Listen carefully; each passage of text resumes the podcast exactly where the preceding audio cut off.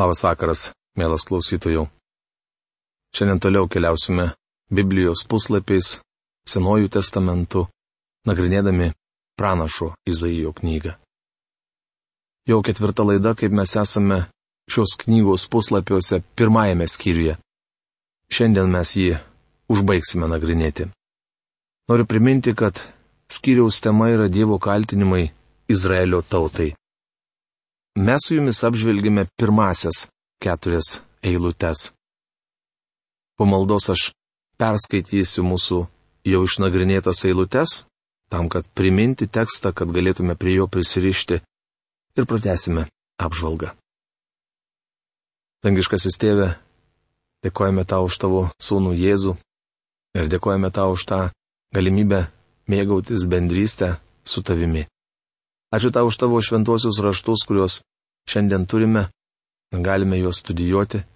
Dėkojame tau už pranašo Izaijo knygą, dėkojame tau už dvasę, kurią tu apgyvendinai kiekviename tikinčiajame, kad jinai atneštų iš viešpatė tavo išminties lobino visą reikalingą žinojimą, kaip turėtų pasikeisti mūsų mąstymas ir mūsų gyvenimas. Mes mylime tave ir pavedame save į tavo rankas, Dieve. Padėk mums pamatyti save tokius, kokius tu matai. Padėk mums suprasti tave, tokį, koks tu esi. Padėk mums suprasti tą dvasinę prasme, įdėtą į šiuos rašto puslapius. Dėkojame tau už tai, kad tu atsakai į mūsų prašymą. Jėzaus vardu. Amen. Regėjimas, kurį patyrė Mosos sūnus Izaijas apie Judą ir Jeruzalę, Judo karalių Uzijo, Jotamo, Ahazo ir Ezekijo dienomis. Klausykitės dangus, išgirsk žemę, tai viešpats kalba. Užauginau, išauklėjau vaikus, o jie sukilo prieš mane. Jautis pažįsta savo savininką ir asilas savo šeimininko ėdžias, tik Izraelis nežino, mano tauta nesupranta. Ak, nuodėminga tauta, žmonės apsikrovė nedorybėmis, piktadarių palikonys ištvirkę vaikai. Jie paliko viešpati, atmetė Izraelio šventąjį, atsuko jam nugarą. Tai prašoma pirmose keturiose pirmojo skyriaus eilutėse, kurias mes jau apžvelgėme. Kodėl vis dar norite būti mušami? Kodėl nesiliaujate erzinti? Visa galva pasiligojusi, visa širdis alpstanti, nuo kojų padų iki viršų galvio neturite jūs veikos vietos. Mėlynės randai ir puliuojančios žaizdos, nevalytos, netvarstytos, aliejumi nepateptos. Jūsų šalis tyrai, jūsų miestai sunaikinti ugnies, svetimieji jums regint ryja jūsų žemės derlių. Ji tyrai, lyg sunaikintoji Sodoma, Izaijo knygos pirmos kiriaus penkta septinta eilutės. Dievas sako, grina tiesą. Šalyje vyrauja politinė anarchija, žmonių moralė pašlyjusi, tačiau jis nesikiša. Visgi ne tuo Dievas kaltina izraelitus.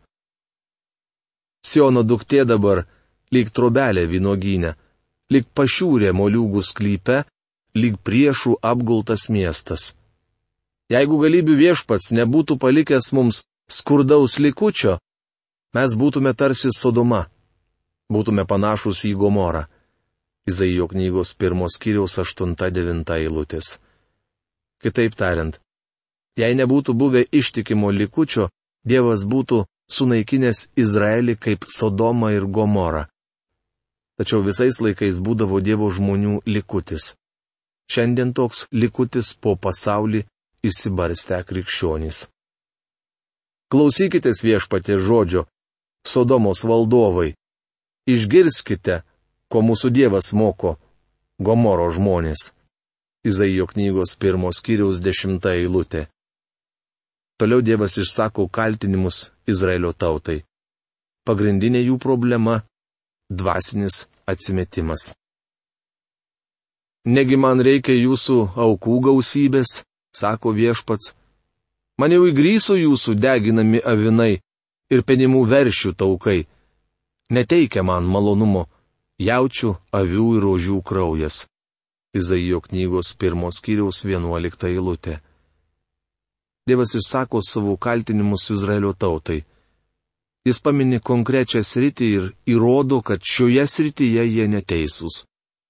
Įdomu, kad Dievas beda pirštų į tai, kas judo karalystėje geriausia, o ne į tai, kas blogiausia. Jis parodys didžiasias jų klaidas. Dievas buvo davęs Izraeliui religiją, nustatęs ritualus ir suprojektavęs šventyklą. Izraelio vaikai atnašavo aukas ir vykdė ritualus, kaip reikalavo įstatymas, tačiau jų širdys buvo sukilusios prieš Dievą. Jų religija neturėjo įtakos jų elgesiui. Deja, šiandien tą patį galima pasakyti apie daugelį tikinčiųjų. Mes dedamės maldingi, bet atsižadame maldingumo jėgos. Kai ateinate pamatyti mano veido, ar to, kas prašo iš jūsų, netrypkite daugiau mano priengių, liaukite saukoti bevertes atnašas, smilkalai kelia man pasibjaurėjimą.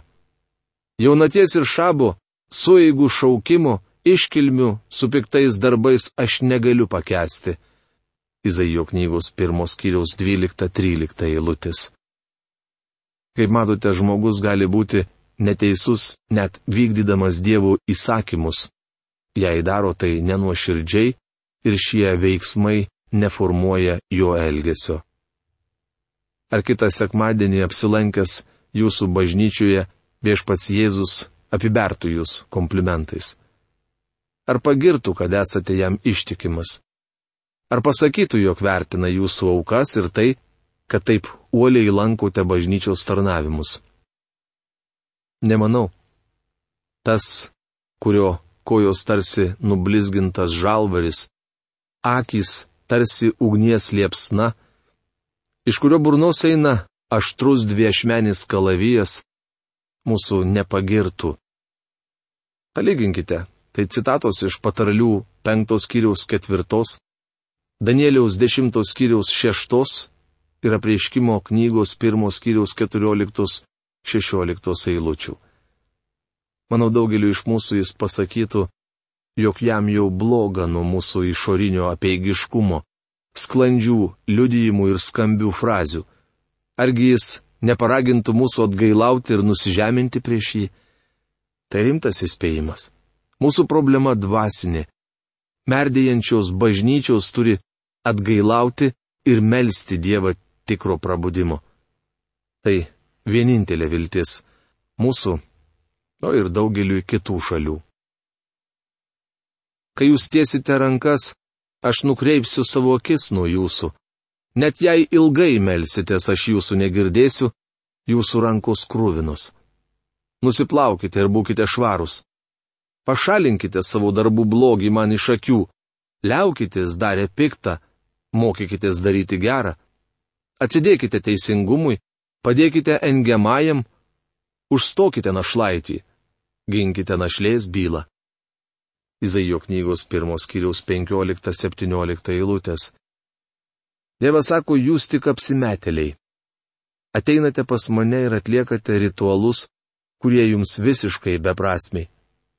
Dievas išsakė kaltinimą Izraelitams. Jie kaltė atsimetimu, kuris sukėlė tautoje moralės nuosmukį ir politinę anarchiją. Dievas pašaukė Izraelį į teismą ir įrodė jo kaltę. Izraelis panašus į kalinį, stovinti už barjero ir laukiantį teismo nuosprendžio. Dievas gali nuteisti savo tautą. Tačiau jis vis dar pasirengęs išspręsti bylą be teismo. Jis sako Izraeliui, nesibilinėkite su manimi, nes pralaimėsite. Teisėjas pasako dar kai ką, kas mus nustebina ir net šokiruoja. Viešpat sako, eikite šiandien ir drauge pasvarstykime. Esate paraudę nuo nuodėmių, bet aš išbalinsiu jūs kaip sniegą. Jūsų nuodėmės raudonos it kraujas, bet jos gali tapti baltos it vilna. Izaijo knygos pirmos kiriaus 18 eilutė. Dievas sako Judui, neverskite manęs įvykdyti nuosprendžio, išspręskite bylą be teismo. Evangelijos pagal matą, penktos kiriaus 25 eilutėje viešpats Jėzus sakė, Greitai susitark su savo ieškovu dar kelyje į teismą. Nelaukite, kol jis paduos jūs į teismą. Dievas sakosi gali panaikinti nuodėmę panaudodamas slaptą formulę - dievišką alchemiją, stiprius vaistus, veiksmingą priešnodį, dangišką eliksyrą. Šioje formulėje slypi didesnė gale nei atominėje bomboje. Ja rasite 53 Izaijo knygos skyriuje, kur kalbama apie tą, kuris buvo paniekintas, sužalotas ir žiauriai kankinamas dėl mūsų nusižengimų, o galiausiai atidavė už mus savo gyvybę. Kadangi jis prisėmė bausmę, teisėjas gali parodyti mums gailestingumą. Jėzaus Kristaus, Dievo Sūnaus, kraujas apvalo mus nuo visų nuodėmių. Dievas išsakė savo kaltinimus Izraeliui ir parodė, kaip jie gali grėžtis į jį. Jei Izraelis atsigręš į jį, Dievas išgelbės tautą, duos jiems dar beveik šimtą metų, o jei neatsigręš ir neatsižadės savo nedorų kelių, jis atiduos juos į nelaisvę. Ši situacija taikytina ir mūsų šaliai. Mano mylimoje šalyje vyrauja politinė anarchija. Daugelį iš mūsų akivaizdu, kad žmogus negali išspręsti tautos problemų. Ką jau kalbėti apie pasaulio problemas. Istorikas Gibonas savo knygoje Romos imperijos nuosmukis ir žlugimas mini penkias Romos imperijos saulėlydžio priežastis. Anot jo, pirmasis žingsnis į žlugimą yra šeimos orumo ir šventumo pamynimas. Mat šeima yra visuomenės pamatas Antroji imperijos žlugimo priežastis yra nuolatinis mokesčių didinimas bei visuomeninių pinigų švaistimas, siūlant liaudžiai nemokamos duonos ir žaidimų. Trečiasis žingsnis - besaikis domėjimasis malonumais ir sportu, kurie kasmet darosi vis labiau įaudrinantys, žiauresni ir amoralesni. Ketvirtas žingsnis - karinės ginkluotės stiprinimas nors tikrasis priešas vidinis - tai yra individualios atsakomybės toka. Penktasis žingsnis anot Gibono yra religijos nuosmukis, kuomet jie virsta tuščia forma, praranda ryšį su gyvenimu ir netenka galios rodyti žmonėms kelią. Matote, tautos nuosmukis prasideda dvasiniu atsimetimu, kuri lydi pašlyjusi moralė ir politinė anarchija. Ar dvasinis atsimetimas nebūdingas mūsų šaliai? Kiekvienas apsišvietęs krikščionis žino, jog modernizmas užvaldė beveik visas didžiasias pasaulio denominacijas. Tačiau jis pats prisipažįsta esas bejėgis. Daktaras Reinoldas Naiburas, vienas iš liberalizmo propaguotojų, sakė, kad liberalus protestantizmas pasiryžęs paukoti visus krikščioniškus savitumus, kad tik užsitarnautų intelektualų pagarbą, tačiau liberalizmas savo ruoštų nepajėgus susidoroti su tragiška nūdienos įvykių raida. Savo aplankę radau įdomų straipsnį, kuris prieš daugelį metų buvo išspausdintas leidinyje Wall Street Journal. Jame rašoma, labiau už geležinkelio ilginimą, vakarinės dalies drėkinimą, transporto srautų mažinimą bei žemės ūkio plėtojimą, mums reikalingas religinis prabudimas. Mums reikalinga religija, kokią turėjo mūsų tėvai. Kalbu apie Ameriką. Religija, kuri skatindavo šeimą kartu garbinti Dievą kiekvieną rytą net kviečių derliaus metu. Ta religija skatino trečiadieniais baigti darbus pusvalandžiu anksčiau, kad visa šeima spėtų į maldos susirinkimą. Pasaulio problema ta pati ir šiandien - tai dvasinis atsimetimas. Daktaras Albertas Haima, būdamas istorijos profesorius Mičigano universitete N. Arbore, sakė, paskutinius 50 metų Junktinės Amerikos valstijas daugiausia valdė žmonės, nesuprantantys dvasinio palikimo, kurį paveldėjo iš savo protėvių. Daktaras Grešamas Meichenas sakė, Amerika palikusi dievo baimingus protėvius, rytasi nuo kalno. te pasigaili jos Dievas, kuomet mes atsidursime pačioje kalno apačioje. Bičiuli, mes jau atsidūrėme kalno papėdėje, tačiau Dievas sako mums, eikite šiandien ir drauge pasvarstykime. Esate paraudę nuo nuodėmių, bet aš išbalinsiu jūs kaip sniegą. Amerika yra išeitis. Tačiau jei eisime koja kojant su kitomis tautomis, tai yra gyvensime be Dievo. Mūsų dienos suskaičiuotos. Jonathanas Edwardsas retkarčiais rengdavo susirinkimus Princetone, kur mokėsi jo vaikaitis Aronas Buras. Toje mokykloje vyko didelis dvasinis judėjimas. Vieną vakarą Jonathanas Edwardsas pamokslavo apie Jėzaus meistriškumą. Žinia labai sukrėtė Aaroną Būrą, tad jis užėjo į kabinetą pas vieną iš profesorių, norėdamas pasikalbėti su juo apie savo pasiryžimą pašvesti gyvenimą Jėzui. Profesorius paragino vaikiną nepriimti sprendimo vadovaujantis emocijomis, bet palaukti, kol baigsis susirinkimų ciklas. Aronas Buras sprendimą atidėjo. Jis nužudė garsųjį amerikietį Aleksandrą Hamiltoną ir išdavė savo šalį. Senatvėje pasijatėjo vienas jaunuolis ir tarė, Pone Burai, Noriu jūs supažindinti su savo draugu. Kas jis? paklausė šis. Vyrukas atsiliepė, tai Jėzus Kristus, mano sielos gelbėtojas.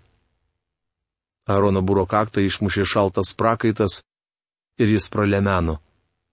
Prieš šešiasdešimt metų aš pasakiau Dievui, kad jei jis paliks mane ramybėje, aš paliksiu ramybėje jį.